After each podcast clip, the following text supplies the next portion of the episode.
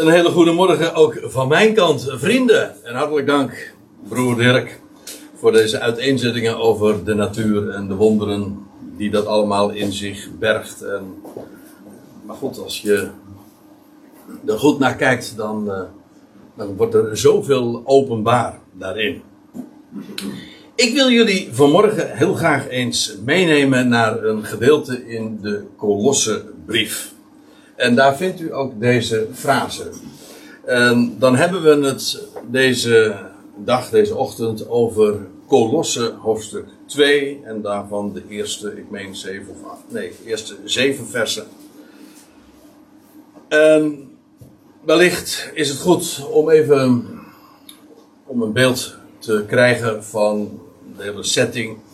Wat uh, inleidende dingen daarover op te merken. Deze Kolosse brief die heet zo omdat het uh, de stad Colosse uh, gelegen is in, uh, of was, want tegenwoordig bestaat die stad niet eens meer, dat stadje, in Turkije. Maar deze brief is geschreven door de apostel Paulus. Hij maakt zich ook heel uitdrukkelijk bekend. En dat schreef, die schreef hij vanuit de gevangenis. En wel de gevangenisperiode dat hij in Rome was. Want dat moet je er nou eigenlijk altijd even bij zeggen. Want hij heeft diverse keren in de gevangenis gezeten. En ook diverse keren trouwens twee jaar in de gevangenis. Heel eigenaardig. En dat uh, maakt hij zo bekend. En ik zei al, deze stad Colosse. Die, als je, dit is dus Turkije, Griekenland. En dat is hier ergens. En deze brief is geschreven aan een ecclesia, een gemeente, een geloofsgemeenschap. Die overigens niet door toedoen van de apostel Paulus zelf is ontstaan. Maar zo weten we uit het eerste hoofdstuk. Door een Epaphras, die Paulus een medeslaaf noemt. Een zeer geliefde. Hij spreekt met veel achting over hem. En door uh, het woord dat hij daar gebracht heeft. Is die geloofsgemeenschap daar ontstaan. En. Een Onesimus, en Philemon, die we in andere brieven dan weer tegenkomen, die woonde trouwens in dat stadje Colosse. En wellicht dat deze Ecclesia ook in het huis van die Philemon, de, de, een heer, dat wil zeggen een eigenaar van slaven, uh, ook samenkwam. En dat was trouwens ook uh, de, de plek, de regio, Frigië heet dat hier, deze, of heette dat, waar Laodicea en Hierapolis uh, gelegen zijn. En de meesten van nu denken nou, zullen nou niet zeggen, oh, dat. Uh, hoewel, Laodicea kennen we dan wel weer vanuit een andere Bijbelboek, namelijk de Openbaring. Maar goed, zo eventjes om een indruk te hebben van, van de setting van deze brief, aan wie het geschreven is, wanneer, want dat, als ik zeg dat Paulus deze brief schreef vanuit de gevangenis in Rome, dan moet je dan ongeveer denken aan het jaar 61, 62, 63 van onze jaartelling. De eerste eeuw dus. Goed, nou, laten we eens uh, bezien wat daar uh, geschreven staat. En ik uh, zei al, daar gaat er nog een heel hoofdstuk aan vooraf.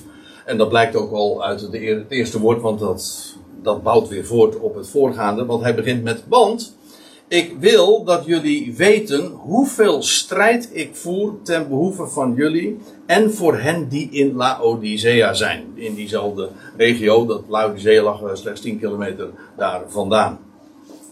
En als Paulus dat zo zegt, dan uh, is dat niet omdat hij daar uh, zelf geweest is. Vermoedelijk, het is niet 100% zeker, maar uit de formulering zou je dat wel logischerwijs uh, opmaken, is hij nooit in Colosse geweest.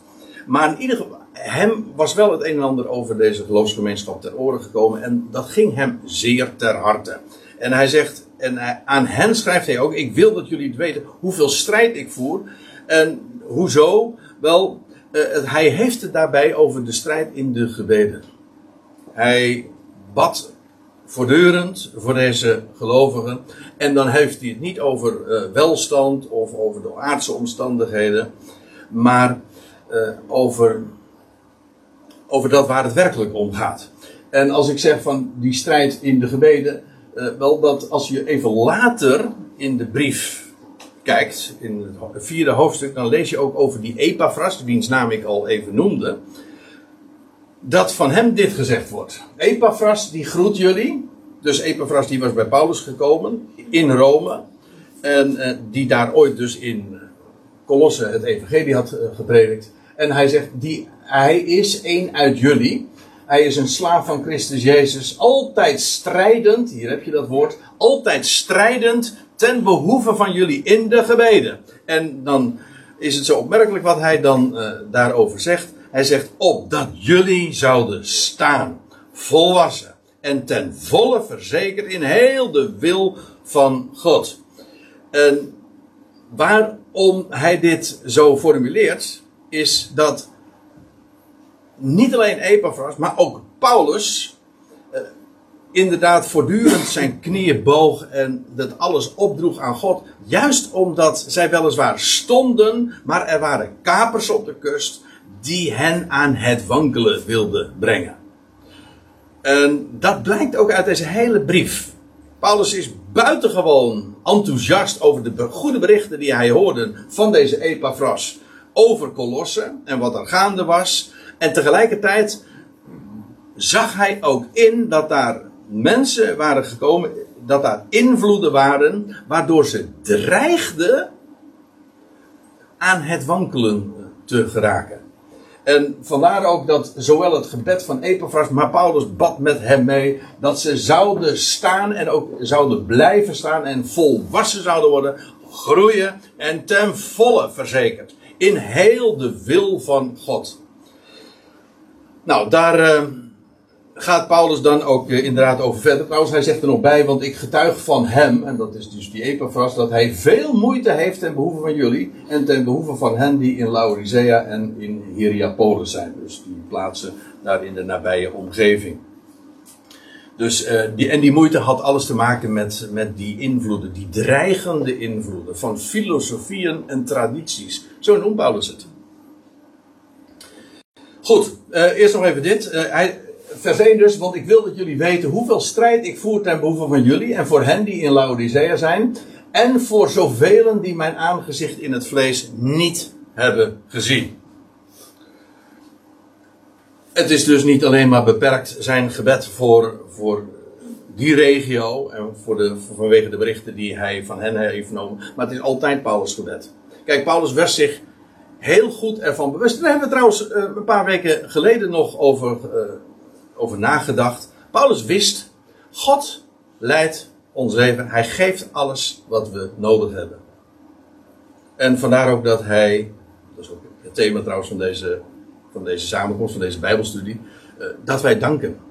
Wij hoeven niet te vragen van Heer, wilt u voor ons zorgen of wilt u bij ons zijn? We zeggen dat zulke dingen vaak. Maar eigenlijk ja, wij zijn op voorhand daarvan verzekerd. God belooft dat. Ik ben bij jullie. Ik geef jullie wat je nodig hebt. En, en naar mijn rijkdom zelfs. Ja, als, als hij dat dan van tevoren al belooft. Ja, waarom zou je er dan voor bidden? Dan is een, een, eigenlijk een, een heel andere houding is dan op zijn plaats. Namelijk, je dankt hem ervoor. Op voorhand. Want hij geeft dat. En toch, er is iets waar Paulus voortdurend voor bidt. En dat is niet opdat wij zouden ontvangen, maar opdat we zouden gaan beseffen, ons realiseren hoe rijk wij zijn. Dat is altijd het gebed. Kijk, als het gaat om de aardse omstandigheden en de strijd die er soms kan zijn en de, de wensen die je hebt enzovoort, dan zegt de, ja, wat had de Heer ooit tegen Paulus gezegd? Mijn genade is jou genoeg. Ik geef je gewoon alles wat je nodig hebt. Dat realiseer je misschien niet. Maar het is wel zo. En waar het om gaat in het leven, is dat we gaan beseffen, gaan realiseren. Hoe gigantisch rijk we zijn. Want alleen als je weet dat je rijk bent, kun je ook uit die rijkdom leven. Er zijn talloze mensen, en dan bedoel ik ook specifiek gelovigen, die eigenlijk een armoedig bestaan leiden. Waarom? omdat ze geen benul hebben van de enorme rijkdom die, die men bezit. En dan is het, ja, dan ben je een armoedzaaier. En dat is, dat noem ik zonde. Steenrijk zijn en als een armoedzaaier leven. Dus dat, dat, dat moet je jezelf niet willen aandoen. En trouwens, en het, niet alleen jezelf, maar je hebt ook zoveel om uit te delen. En, maar, als je, ja, maar als je dat niet weet, ja, dan, hou je het, dat, dan, ja, dan leef je dus karig. En, dat, uh, en, en, en het gebed dat Paulus inderdaad altijd is, dat is uh, dat we zouden, zouden staan en volwassen en ten volle verzekerd zouden zijn. Van heel de wil van God. En, God. en dan gaat het niet alleen maar over dat wat Hij in ons leven kan doen, maar heel de wil van God. Die universeel en alomvattend is. Oké, hij bad dus ook voor zoveel die mijn aangezicht in het vlees niet hebben gezien. En uh, ik denk eraan dat wij dat hier, hier in Benthuizen dus ook zijn. In deze categorie vallen wij. Voor zoveel die mijn aangezicht in het vlees niet hebben gezien. Ik heb alles nog nooit gezien. Hij is ook al enige jaren uh, heen gegaan. Maakt niet uit. Maar hij heeft een boodschap voor ons. En eigenlijk voor iedereen aan wie hij die boodschap richt. Ja, is het zijn gebed dat dat kwartje ook zou vallen. En dat ze zouden gaan verstaan en zouden gaan begrijpen wat hij te melden heeft. En hoe, niet alleen maar zouden weten wat, uh, wat, ze, wat hij te melden heeft, maar ook hoe rijk dat is. Dat zijn twee dingen. Maar goed. En voor zoveel mijn aangezicht in het vlees niet hebben gezien, opdat, en hier krijg je weer dat, uh, datzelfde als wat ik ook in hoofdstuk 4 liet zien over wat Epaphras voortdurend bad, opdat hun harten bemoedigt. En in de liefde verenigd worden tot elke rijkdom van de volle zekerheid van het inzicht. Dat is een hele mond vol. Dat is uh, typisch uh, Paulus ook. Uh, het, het, het, is een opeenstapeling van allemaal elementen. Maar het gaat hier over de volle zekerheid van het inzicht. En wat, wat bewerkt dat? Dat inzicht waar hij het over heeft. Over welk inzicht, daar, daar, hebben we het zo meteen nog even over. Maar eerst eventjes die volle zekerheid van dat inzicht. Dat bemoedigt de harten. Het, dat woord parakaleo, dat is, ja, dat is wat hier staat. Dat heeft te maken met aanmoedigen. Het, het support. Uh, het hart. Van binnen dus je wordt van binnen geraakt en gesupport. Het bemoedigt de harten. Het verenigt ook in liefde. En dan gaat hier over die AKP en dat is Gods liefde, die namelijk onvoorwaardelijk is. Dan weet je ook meteen waar dat inzicht mee verband houdt. Namelijk dat inzicht, dat spreekt van het inzicht in die dingen van de liefde Gods die alomvattend is. En als we daar kennis van nemen en krijgen, en als we daarvan op de hoogte geraken, ja, dan worden we in de liefde verenigd. Want dan gaat u en dan ga ik en dan gaan wij samen iets begrijpen van die geweldige alomvattende liefde. Maar dat brengt bij elkaar en dat verenigt. En dan staat er nog bij. Uh, tot elke rijkdom. Eigenlijk, het geeft dus toegang. Letterlijk staat het tot in. Uh, staat het precies? Tot in elke rijkdom. Dus het geeft als het ware toegang tot die hele schatkamer van het geheim, uh, van het inzicht. Ja, over die rijkdommen heeft Paulus dus. Over uh, dat we in die schatkamer, dat is een, een beeldspraak die hij uh, heel vaak in deze brieven bezigt. Dat hij het heeft over de rijkdommen. En die rijkdommen liggen allemaal als het ware opgestapeld. Allemaal, uh, die zijn vervat in dat wat hij te melden heeft. En al die rijkdommen, ja, die hebben wij in Christus. Die zijn ons deel. Maar het gaat erom dat we dat weten. En als we het eenmaal weten, dat we het ook gaan beseffen. Zodat we in die rijkdom ook gaan leven en wandelen en uitdelen. Zodat ons leven inderdaad steeds rijker wordt. Tot volle zekerheid van het inzicht. Tot besef. Hier heb je het woord epignosis. Leuk, een leuk woord trouwens. Dat woord besef, epignosis. Ik heb het wel eens uh, vaker gezegd, maar het is goed om dat nog eens even voor de geest te houden. Je hebt het woord gnosis, dat is weten. Epi is een voorzetsel en dat betekent op. Dus eigenlijk, heeft, eh, ze zeggen ook wel eens een keer, het is opkennis of bovenkennis. Je hebt dus kennis, dat heeft te maken met weten. Maar het gaat boven kennis uit.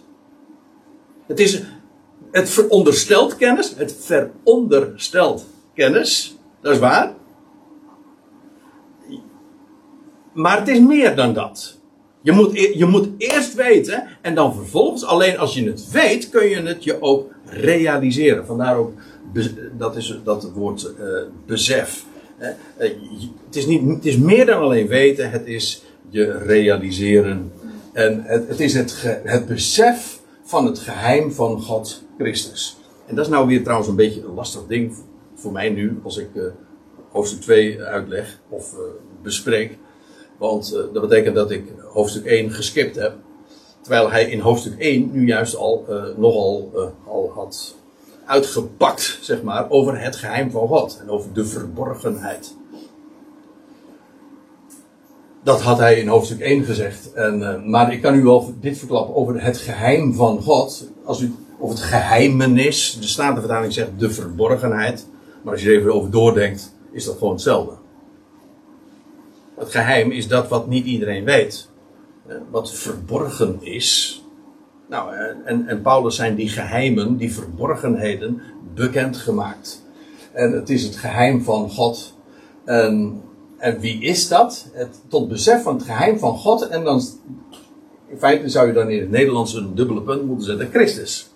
Dat geheim van God is maar niet alleen iets. Dat is maar niet een verzameling dingen die je zou weten, maar het is iemand. Het is namelijk de Christus. En dan heeft hij het over de verborgen Christus. Hij, want als we het hebben over Christus, dan hebben we het over degene die ooit hier 2000 jaar geleden wandelde. En werd gekruisigd. Drie dagen werd begraven. Drie dagen later werd, de, werd hij opgewekt uit de doden. Ja, maar waar is hij nu dan? Nou, hij is verborgen. Hij, is, heeft het toneel eh, verlaten. Hij is vanaf de Olijfberg vertrokken. En eh, hij, eh, met de mededeling trouwens, eh, I'll be back. Hè? Ik kom terug. Wanneer? Nou ja, dat is, dat is nog een verhaal apart. Maar eh, zeg maar na twee dagen. Weet u trouwens, dat, eh, eventjes tussen haakjes. De afstand tussen, tussen de Olijfberg en Jeruzalem, waar hij straks gaat regeren, dat is, dat is een sabbatsreis. En hoeveel L was dat? Staat er gewoon bij hoor. 2000 L. Ja. Oké, goed. Maar in die tussentijd, kijk, Christus gaat openbaar worden. Hij was hier op aarde de vernederde God.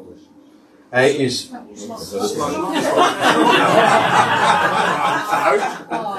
En nou is het huis kapot. eh. Oh nee, nee hoor, want ik zie het al, de slak gaat gewoon verder met kruipen. Dan moeten we wel uitkijken dat we hem straks niet vertreden. Hij kwam van. Ja. ja. ja. Zie toe dat u niet vallen.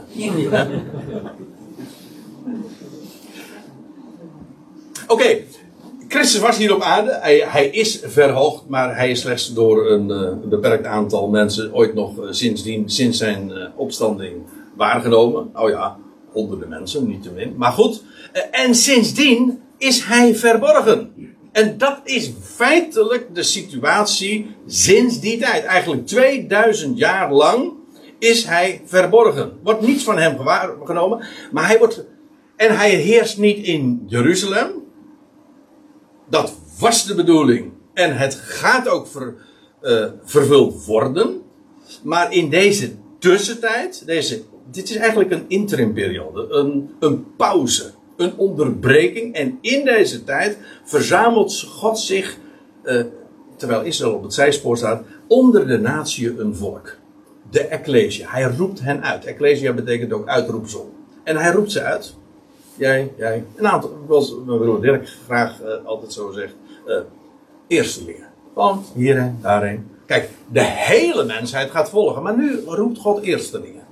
Die hij tevoren bestemd heeft. En, en die geeft hij een geweldige plaats. Want dat is altijd zo trouwens met eerstelingen. Eerstelingen hebben altijd de hoogste bestemming. En dat is niet alleen met haringen die gevangen worden. Of kievitseieren die gevonden worden. Nee, het eerste, dat is de first, hè, de vorst. Maar goed. Dat zijn die eerstelingen. En, dat is dat, en die maken deel uit, dat is een van die geheimen, of misschien wel de clue van het geheim, dat Paulus ook vertelt, dat die Ecclesia die vandaag geroepen wordt, die maakt deel uit van de Christus. Ik zeg dat nog eens. De Ecclesia die vandaag geroepen wordt, maakt deel uit van de Christus. Hij is het hoofd, wij zijn het lichaam. En alles wat hem beloofd is, de positie die hij straks ook gaat innen, daarin zullen wij gaan delen. Dus onvoorstelbaar wat ik nu zeg. Dan moet je, ja, je kan het tot je nemen, maar uh, ja, tot besef daarvan komen is onvoorstelbaar. Tot wat voor hoogte wij geroepen zijn. Dat is geweldig. Maar die, oké, de verborgen Christus, uh, die is nu uh, ja, onder de natieën, wordt, wordt dat gezelschap, die alle, dat gezelschap heet dus ook de Christus. Hij het hoofd, wij het lichaam.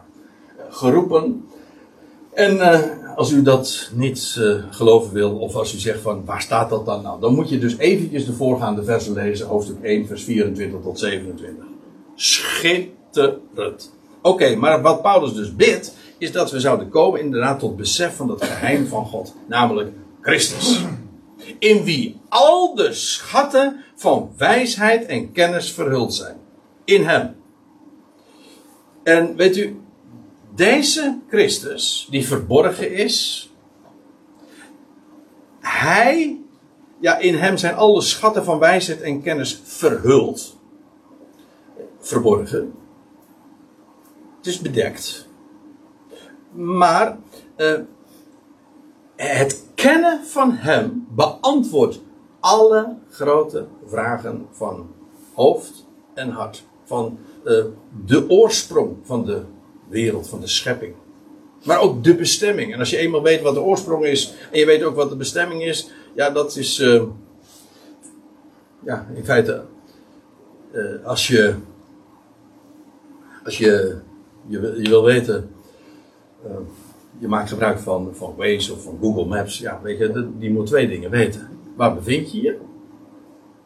En waar ga je naartoe?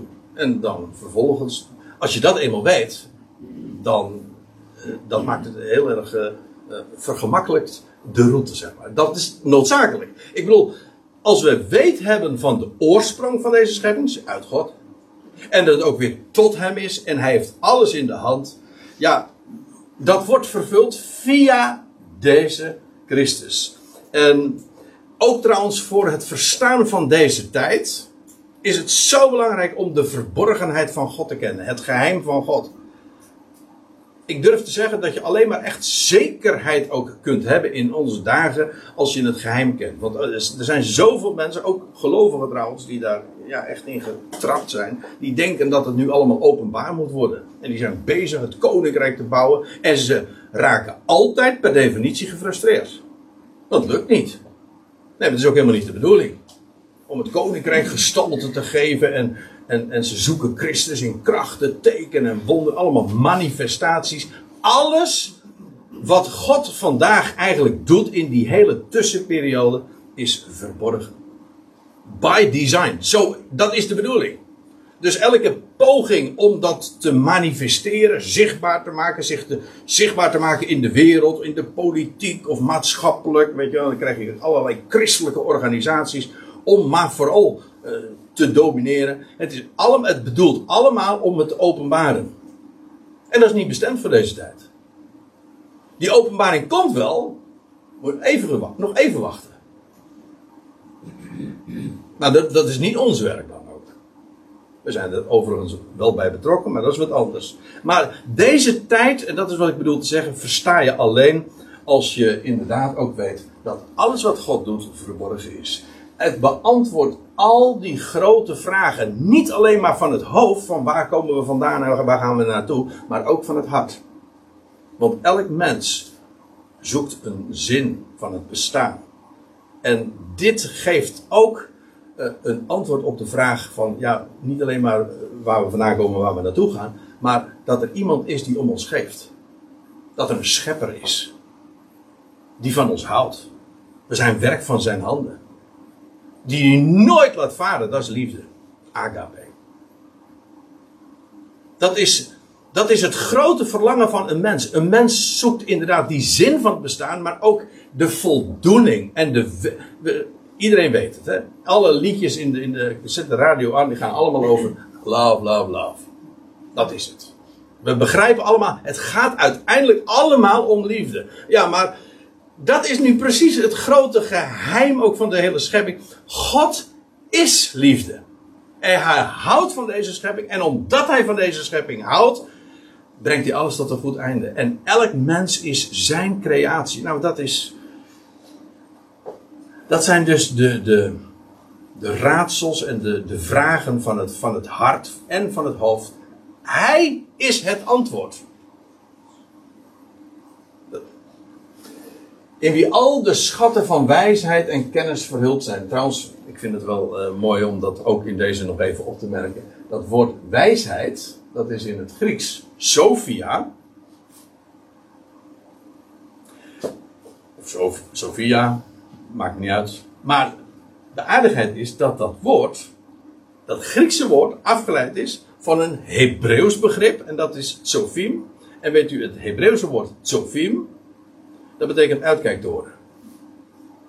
En het idee is, alleen dit al, dit gegeven, werpt zoveel licht op wat wijsheid is. Wijsheid is meer dan kennis. Wijsheid heeft te maken met, ja, dat je op de hoogte bent. Wat ik expres dus dubbelzinnig bedoel nu. Je bent op de hoogte, maar daardoor heb je ook overzicht. Je, je, je, kunt, je kunt met recht uitzoomen. Je, je het grote geheel zien. Dat is wat het mooie is als je, als je overzicht hebt. Maar je hebt ook uitzicht. Kijk, dat is wijsheid. Dat is wat anders dan alleen maar een beetje filosoferen. En eh, ja, in het eh, wilde weg wat eh, opperen. Zou het zus zijn, zou het zo zijn. Ik bedoel, het is allemaal prachtig. Ik heb geweldige vragen stellen. Maar het- hij is inderdaad de antwoorden. In hem zijn al de schatten, want het is zo ongelooflijk rijk. Van wijsheid en kennis, ja, verhuld. En dat betekent dus, eh, het is verborgen. Je vindt het dus niet, het staat niet in de krantenkoppen. Het is niet op tv te vinden. Dus als je denkt van, ja, ik, ik zou er wel wat van willen zien. Ja, maar de essentie is nu juist van, van alle operatie, al het handelen van God is, het is verborgen. Het is geen zien, trouwens ook geen voelen, het is weten. Da- daarom schrijft Paulus deze dingen op. Geloof is uit oren.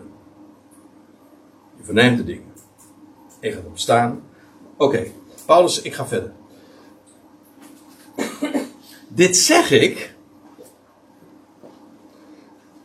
Hij, eh, hij spreekt, of hij schrijft eigenlijk alsof hij in hun midden is en met hen spreekt. Dit zeg ik opdat niemand zou doen misrekenen in overredende taal.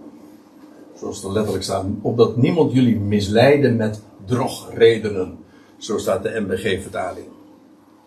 En het idee is dat als Paulus dit, eh, deze dingen zo naar voren brengt, dan, is, eh, dan zegt hij daarmee: alleen als je deze dingen kent en dit besef hebt en de volle zekerheid van dat wat hij allemaal eh, van Gods wegen heeft mogen bekendmaken en optekenen, hij zegt: alleen dan ben je ook echt immuun, immuun ja, eh, voor, eh, voor de voor het misrekenen en van allerlei overredende taal. Voor drogredenen. Want er is zoveel in de wereld. Daar hebben we het al zo vaak over gehad. En eh, er gaat geen dag voorbij of je struikelt over al die drogredenen en misleidende taal die over je heen. En dan bedoel ik inderdaad, eh, het eerste waar je nu aan denkt is aan wat de media ons allemaal op de mouw spelden. Eh, maar ik doel nu ook gewoon op alles wat er zo verteld wordt. Ook op religieus gebied, filosofisch gebied. Op alles wat ze ons willen laten geloven. Want Paulus heeft het hier inderdaad ook over, eh, over filosofie en traditie. We komen er net niet meer aan toe. Dat wil zeggen, maar als je in vers 8 leest van dit hoofdstuk, dan staat er inderdaad. Dit zegt op dat jullie niet zou, dat niemand jullie meeslepen door zijn ijdele filosofie. Filosofie is een Grieks woord. Wijsbegeerte. Het, heeft, het, het lijkt heel wat. Het is misschien dure taal, academisch verantwoord. Maar het is ijdel. Het is leeg. Het biedt niks. Het biedt geen zekerheid. Het heeft geen echt inhoud. En, en, en het is in overeenstemming met traditie. En dat kan dan heel indrukwekkend zijn. Want als, als bepaalde verhalen al, al generaties lang overgeleverd worden en verteld worden. En zelfs ook nog een religieuze uh, aureool meekrijgen ja, dan, dan word je daar gemakkelijk door meegesleept. En de kolossers waren daar ook, uh, dreigden daar ontvankelijk voor te zijn. Paulus zag die bui hangen. En daar, vandaar dat gebed van Epaphras, maar ook zijn eigen gebed. Dit zeg ik opdat niemand jullie zou doen misrekenen in overredende taal. Je, laat je niet gek maken. En als je wil weten hoe het zit, ja, Paulus zegt, uh, het is alle, alle schatten van wijsheid en kennis zijn in hem verborgen. Niet uh, een beetje, ook niet veel, maar alle schatten. Alle schatten van wijsheid en kennis zijn in hem, Christus, die nu verborgen is. Ja, verhuld. In hem is het te vinden. Dus ja, uh, als je hem hebt, heb je alles. Heb je alles. En ja, dat. Uh, nou, laat ik het even verder lezen, want hij, hij zegt er nog bij. Want al ben ik in het vlees afwezig. Paulus was in Rome in de gevangenis. Zij waren in Colosse. Hij zegt: Niettemin ben ik in de geest bij jullie. Ja, niet alleen maar in zijn gedachten bij jullie, bij, bij hen daar in Colosse maar ook door, uh, door het feit dat hij, de brief daar gelezen werd. In feite is Paulus nu ook in ons midden in de geest. Namelijk door dat wat hij te melden heeft, wat hij in zijn geest leefde en wat hij via zijn pen heeft opgetekend, is hij nu, doordat wij dat nu anno 2021 tot ons nemen, is hij in de geest bij ons. Heb je er zo wel eens aan gedacht? Hij zegt, ik ben naar het vlees aanwezig niettemin ben ik in de geest bij jullie. Hij zegt, en ik zie met vreugde de ordening en stabiliteit van jullie geloof in Christus. Hij ziet dat omdat, Paulus, omdat Epaphras hem daarvan op de hoogte had gebracht. Let even op, Paulus was blij. Hij, hij stelt vast, ik zie met vreugde dat dat zo bij jullie is. De ordening van, de ordening van jullie geloof. Dat is een heel mooi woord trouwens. Want uh, dat in de, ja, de orde, maar dat heeft te maken met structuur. Het geloof, en dan heeft hij eh, niet over uh, het werkwoord geloven, ons geloven, dus je begrijpt wat ik bedoel, maar het geloof, namelijk de geloofswaarheid. Dat wat geloofd wordt dus. en, en dat had ordening dat wat zij kenden, wat zij, waar zij hun vertrouwen in stelden, dat wat hen meegedeeld was, wat ze wisten. En Paulus zegt: uh, Ik zie met vreugde de ordening van jullie geloof. Het, had structuur, het was ingedeeld, het had een compositie, een samenhang. Het was coherent, zoals we dat zo met een mooi woord noemen. Het heeft, het heeft echt. Het is niet zomaar een verhaal, het is werkelijk ja, consistent. Het is, het, heeft, het is samenhangend. Het is geweldig. En als je eenmaal de waarheden die Paulus allemaal heeft mogen optekenen. en zoals hij als leraar voor de natieën dat heeft mogen uh, onderwijzen en mogen herauten. Ja, dat is. Dat is maar niet zomaar een aantal feiten. Nee, het geeft een, een, een geheel. En Paulus zegt. Ik zie met vreugde de ordening, de structuur van jullie geloof. Jullie begrijpen dat. En jullie weten ook de dingen te plaatsen, want dat is wat orde is. Hè? Als er orde is, dan wil dat zeggen dat staat hier, dat staat daar. En, het is opgebouwd. Nou, Paulus zegt: Ik zie met vreugde de ordening van jullie geloof. Maar dat niet alleen, ook de, de stabiliteit. Of uh, de, in de MBG-vertaling staat de hechtheid, maar dat is eigenlijk het woord. Het, het woord is stabiliteit. Het heeft namelijk te maken met vastheid. Dat wat vast, solide en robuust is. Want dat is het, het geweldige. Als je, als, dat heeft te maken met de inhoud van de boodschap zelf. De inhoud van de boodschap is zo solide. Helder, gestructureerd. het is gebaseerd op, op feiten. Het is zo evident. Het bewijst zichzelf. En als je daar kennis van neemt, ja, dan, dan krijgt dat geloof, waar je je vertrouwen in stelt, krijgt stabiliteit. Dat is het geweldige. Dat is namelijk inherent aan dat geloof zelf. Je vindt vastheid daarin.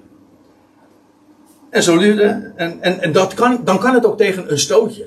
Dan ben je niet zomaar meer van de wijs eh, gebracht. Daarom is het ook zo ontzettend belangrijk om daar kennis van te nemen. Maar vandaar ook dat Paulus deze dingen schrijft. Ik zie met vreugde de ordening. De ordening en de stabiliteit van jullie geloven in Christus. En zoals jullie dan Christus Jezus. Dat is de favoriete wijze waarop Paulus dat formuleert. Christus Jezus. Alle andere apostelen hebben het altijd over Jezus Christus. Paulus is de enige die wel honderd keer in zijn brieven spreekt over Christus Jezus. Doet niemand anders. Dus dat is heel logisch eigenlijk ook, want Paulus die kende, uh, die kende Jezus wel, maar hij kende eerst de Christus, de opgewekte. En toen, en toen uh, vroeg hij, toen hij uh, zich op de weg naar Damascus aan hem openbaarde, toen vroeg hij, wie bent u? En zei, ik ben Jezus. Dus die Jezus die hier op aarde ooit rondwandelde, maar die nu de verhoogde, de verheerlijkte is. Christus is een titel. Hè? Hij zegt, zoals jullie dan Christus Jezus, de verheerlijkte, die hier op aarde ooit wandelde. Zoals jullie dan Christus Jezus, de Heer, ontvingen. Jullie hebben hem gehoord, jullie weten, hij is de Heer van allen. Hij is het hoofd van alles. Ook al is het verborgen. Jullie ontvingen hem. Ja, dus dat, de, sommige vertalingen zeggen aanvaarden hem, maar ontvingen hem. Eh, het, is jullie gewoon gegeven. Geloof is een gift. Hè? Het is een gaaf van God. God, opent open oren. Hij geeft het je. Hij, hij, laat het je horen. En als het, en als het hier, als het kwartje valt, ja, dan komt het in je hart. En dan, dan heb je het ontvangen. Het is een gave God. Het is een geschenk. En ik vind het geweldig dat is uh, mooi als je weet van eerstelingen en, en, en, de oogst gaat nog volgen. Dan weet je van, nou ja, wat God bij mij nu kan, dat gaat hij, dat gaat hij ook uh, met de rest doen op zijn tijd. Hij zegt, maar goed, zoals jullie dan Christus Jezus de Heer ontvingen, wandelt in hem. En dat betekent gewoon, hem als de Heer kennen, is niet alleen genoeg in aanvang, hè, toen jullie hem ontvingen, Nee, maar ook voor het vervolg van heel onze wandel. Elke stap die we zetten is genoeg omdat we Christus ontvingen. Hij zegt, jullie ontvingen hem. Maar in hem hebben jullie dus alles wat je nodig hebt voor je wandel. Elke stap die je zet. Als je hem kent, ja, dan heb je alles. En waar je ook heen gaat, het maakt dan ook niet uit waar je heen gaat. Elke stap die je zet, je wandelt, dat doe je sowieso. Nee, ik bedoel, je, gaat, je, ja, je, je, je bevindt je ergens, je gaat van A naar B enzovoort. Je wand, trouwens, wandelen is niet zozeer van A naar B gaan, wandelen is meer, uh, je gaat rond, hè? een rondje. Hè? Wij wandelen, ja, in Hem. Dat wil zeggen, in het besef van wie Hij is. En alles wat je van Hem weet, wandelt in Hem. Vers 7. Dat is het laatste vers. Maar die gaan daar gaan we dan ook eventjes goed op inzoomen. Want dan zegt hij, dus dit, wandelt in hem. En dan feitelijk krijg je dan een, een nadere toelichting op wat dat betekent. Het begint met geworteld zijnde en opgebouwd wordend in hem. En nou ga ik eventjes uh, uh, de taaldocent uithangen. Maar uh, zo ingewikkeld is het niet hoor. Dus dit woord geworteld zijnde, dat is voltooid tegenwoordig tijd. Dat wil zeggen, jullie zijn geworteld. Dat zie je gewoon in de. In de interlineair ziet, dan zie je zo'n tekentje, zo'n rondje voor dat woord en dat betekent dat het voltooid tijd is. Jullie zijn geworteld.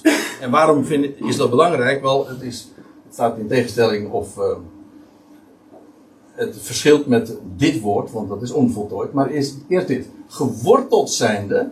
En dat betekent, jullie hebben je vastheid gevonden in een voedingsbodem. Want dat is wat geworteld zijn betekent. Als je geworteld bent, dan heb je ergens vastheid gevonden. Ja, een boom staat gewoon vast. Trouwens, elk plant staat vast.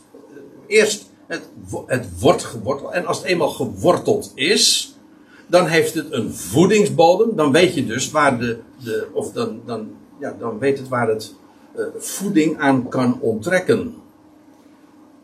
En waar Paulus het over heeft, is als jullie Christus ontvingen, dan ben je geworteld. Maar daarin vind je ook niet alleen vastheid.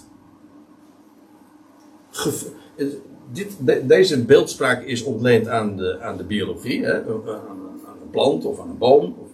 Hè, die is geworteld. Paulus spreekt elders over, uh, dat is een, de, meta, een, de metafoor is dan ontleend aan, aan, aan een gebouw.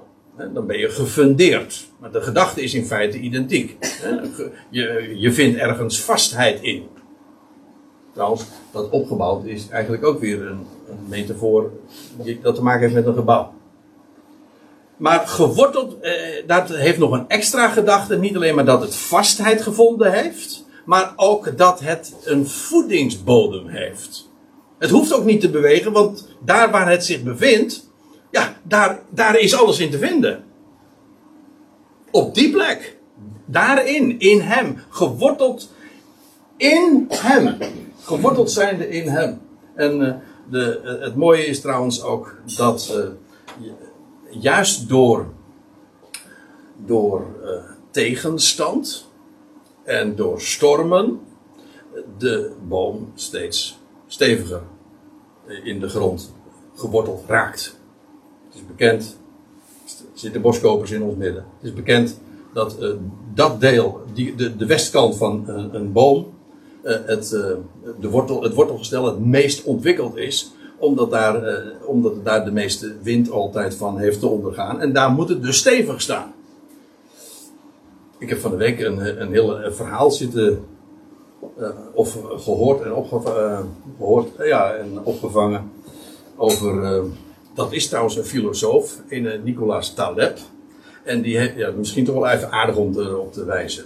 En die heeft het dan over iets is, iets kan robuust zijn en iets kan antifragiel zijn. Dat is hele interessante termen die hij daarvoor gebruikt. Maar het aardigheid is, hij zegt van ja, iets kan robuust zijn. Bijvoorbeeld deze tafel is robuust. Gewoon, die is stevig, daar kun je wat op zetten, en die kan tegen een stootje. Maar hij zegt, er zijn ook dingen die antifragiel zijn. En wat is het verschil? Antifragiel wil, betekent dat het sterker wordt, juist doordat het tegenstand ondervindt. In de biologie zie je daar heel veel, veel voorbeelden van. Bijvoorbeeld stieren. Nee, spieren. Spieren worden sterker. Ja, uh, juist doordat het weerstand uh, uh, ondervindt.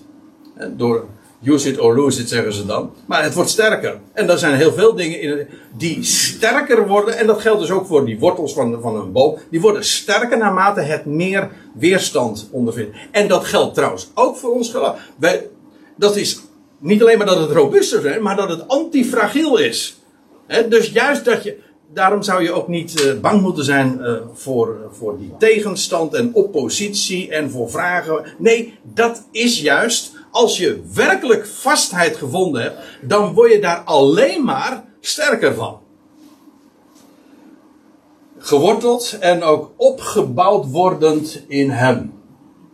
Ja, en dit is, ik zei van dat geworteld, dat is voltooid. En opgebouwd worden is onvoltooid. Dat wil zeggen, dat is proces, is gaande. We worden nog steeds opgebouwd. Maar je kan alleen opgebouwd worden als je eerst geworteld bent. Daar begint het mee alleen als je vastheid hebt gevonden in die voedingsbodem, ja, dan word je vervolgens bij voortduring, onvoltooid, word dan opgebouwd.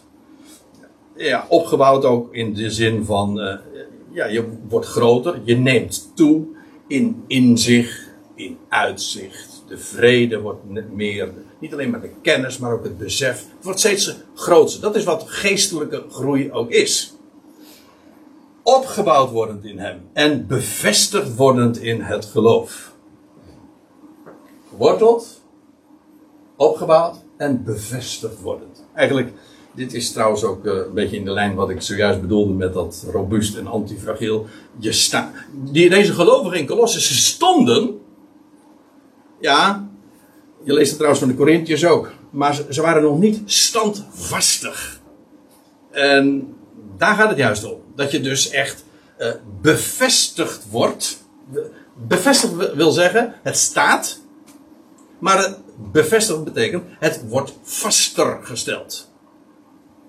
En dat kan alleen natuurlijk wanneer je voortdurend uh, weer ja, herhaald wordt, opnieuw weer wordt bepaald bij, ja, bij die voedingsbodem. En dat is, ja, dat, in, in, de, in de zonderschool wordt dat liedje gezongen en het is zo waar. Uh, read your Bible, pray every day if you want to grow. Ja, hoe zou je, hoe zou je geworteld zijn? Hoe zou je opgebouwd kunnen worden? En hoe zou je vaster gesteld, bevestigd kunnen worden? Anders dan gewoon inderdaad voortdurend dat tot je te nemen. Die rijkdom die ligt er toch wel hoor.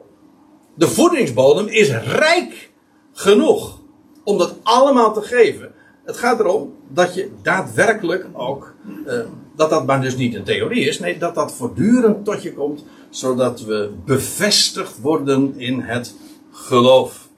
En uh, zoals jullie werd onderwezen. Ik bedoel, zoals dat zegt Paulus tegen de Colossus dus, die van Epaphras, de boodschap die Paulus aan, Paulus was toevertrouwd, heeft gepredikt. Ja, ik zeg het er even bij, eh, want uh, het is dus niet zoals in de kerk al hier geleerd wordt. Kent u die? Ja, ik heb een kerkelijke achtergrond en dan werd dat in bepaalde formulieren werd dat dan gezegd van zegt u dan inderdaad ja uh, op, op de leer zoals dat in de kerk al hier gepredikt of geleerd wordt, onderwezen wordt. Nee, daar hebben we het niet over. We hebben het niet over een leer die ergens door een kerk of door een dominee of een voorganger, al is het André Piet, ja, ik bedoel, ik sluit mezelf er geheel bij in, uh, geleerd. Nee, het gaat om de schriften. Dat wat Paulus te vertellen heeft. De, die levende orakels van God. Zoals je bevestigd worden in het geloof zoals jullie werd onderwezen. Ja, dus dat is de waarheid, zoals hij dat in hoofdstuk 1, vers 5 formuleerde. De waarheid van het goede bericht, van de blijde tijding van het evangelie. En, en ja, daarin inderdaad geworteld te zijn, opgebouwd worden en ook telkens daarin juist dus bevestigd wordend. Dat is een voortdurend proces. Steeds vaster gesteld worden. Zodat je dus ook steeds stabieler wordt.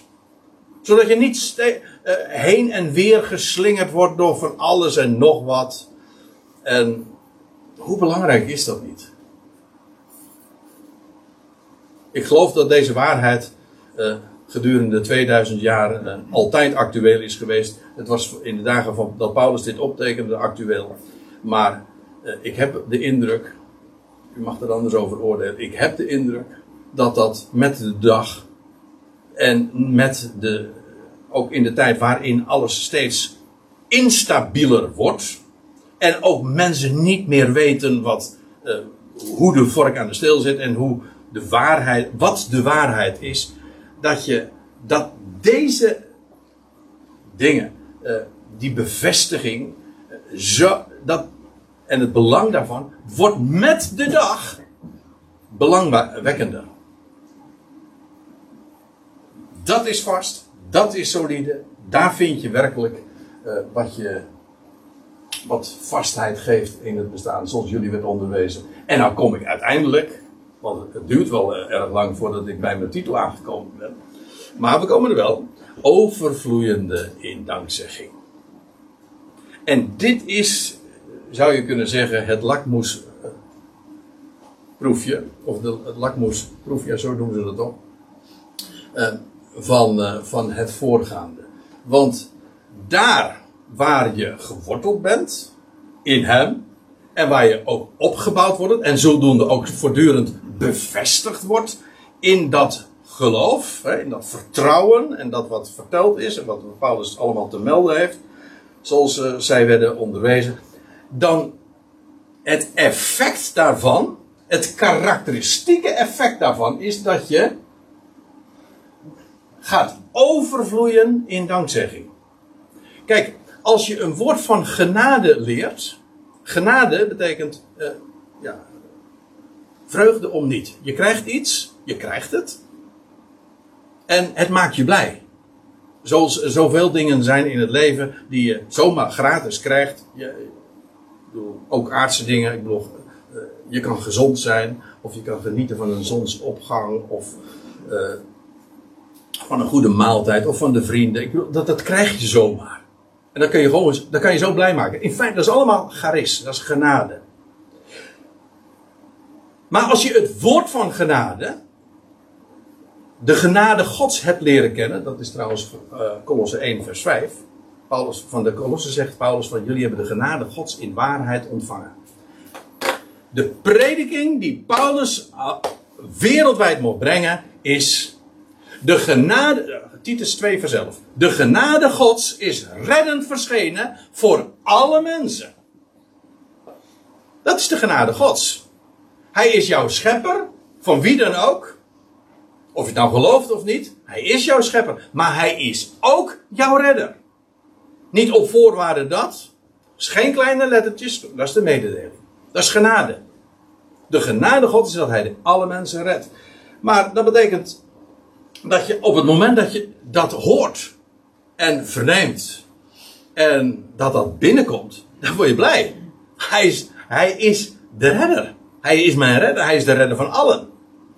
En dat maakt blij. En dankbaar.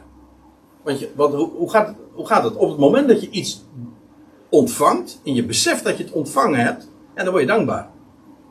Daarom durf ik ook inderdaad te beweren. We hebben er thuis ook wel eens discussies over gehad. Uh, maar goed, nu ben ik dus aan het woord. en dan kan ik even niet tegengesproken worden. Dat kan altijd nog. Ik geloof alleen maar als je werkelijk God. Alleen als je God kent kan je dankbaar in het bestaan zijn. Ik bedoel, uh, een iemand die God niet kent of erkent, hoe zou die dankbaar zijn, kunnen zijn van, voor de gezonde? Je bent namelijk iemand erkentelijk die je iets geeft. Je kunt nog niet het lot dankbaar zijn. Je bent iemand die je een gunst bewijst. Daarom is het zo, ja, ook daarin blijkt, blijkt dus weer het enorme belang van dat je weet dat er iemand is die het allemaal in handen heeft en die aan het begin staat en die aan het eind staat en die het allemaal, ja, die alles geeft. Kijk, dat is de God. Maar ja, dat betekent dus ook dat je hem kan danken. Elke dag voor wat hij geeft en voor wie hij is. En die enorme rijkdom. En waar het om gaat is dat als je geworteld en opgebouwd en bevestigd wordt in dat geloof. Dan wordt die dankzegging alleen maar groter. Meer. Neemt toe. En nou, daar wil ik een paar kenmerken van geven. Dat woordje dankzegging, dat is in het Grieks eucharistia. En daar zit het woordje charis in en dat betekent genade, gunst.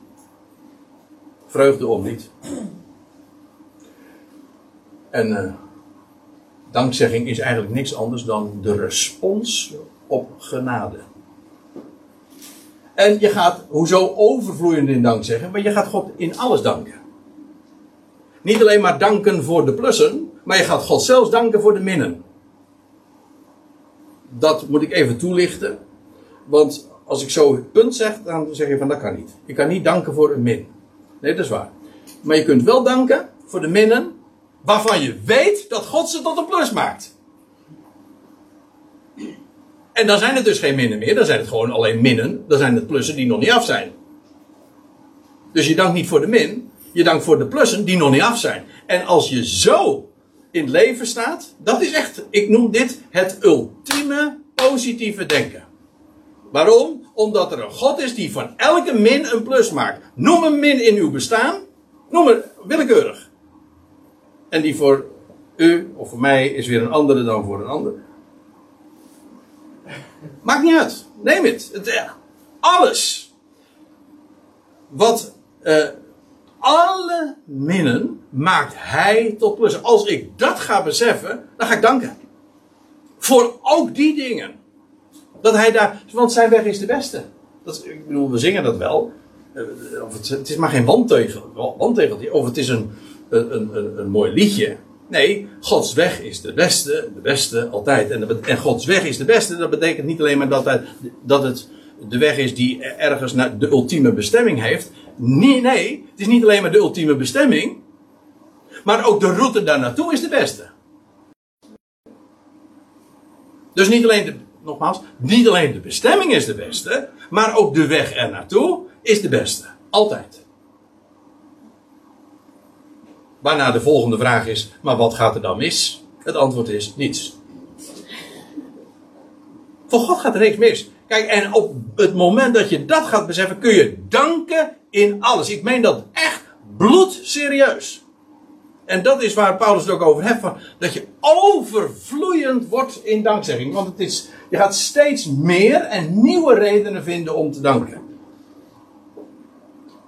Ik bedoel, je kan wel al die rijkdom al bezitten. Als je Christus Jezus hebt ontvangen, en dan heb je het in principe allemaal. Maar ja, maar dat wil niet zeggen dat je ervan weet. Laat staan dat je het allemaal beseft. Laat staan dat je het ook acht. eh, dat, je, dat het elke dag tot je doordringt. Telkens weer nieuwe redenen vinden om te danken. Vanwege de enorme schatten en uitzichten, inzichten. Onvoorstelbaar.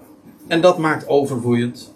En eh, bij dat overvloeiende, daar versta ik ook onder eh, dat, het, dat je mond ervan gaat overlopen. Want eh, het is toch zo, waar het hart vol van is, dat is trouwens een Bijbelse spreuk, weet u dat? Waar het hart vol van is, daar loopt op de mond van over. En overvloeiend in dankzegging wil niet alleen maar zeggen dat je een dankbaar hart hebt, maar dat het ook uit de mond komt. Dat je ervan gaat spreken en dat je gaat getuigen van die grote God. Kijk, dat is een kenmerk van dat wat, van het geheim dat Paulus heeft eh, gepredikt en opgetekend en onderwezen. En als je daarin geworteld, opgebouwd en bevestigd wordt, dan leidt dat tot dit effect. Dat je overvloeiend wordt in dankzegging. Wat een leven. Ik bedoel, dan hebben we een, een, een hemel nog in het verschiet. Maar dan wordt het bestaan hier op aarde ook al een hemel. Dan gaat namelijk het licht schijnen van Hem. Van Zijn woord. Over die enorme rijkdom van het kennen van Hem. Overvloeiende in dankzegging. En ik stel voor, Andreas, dat we daar nog niet over.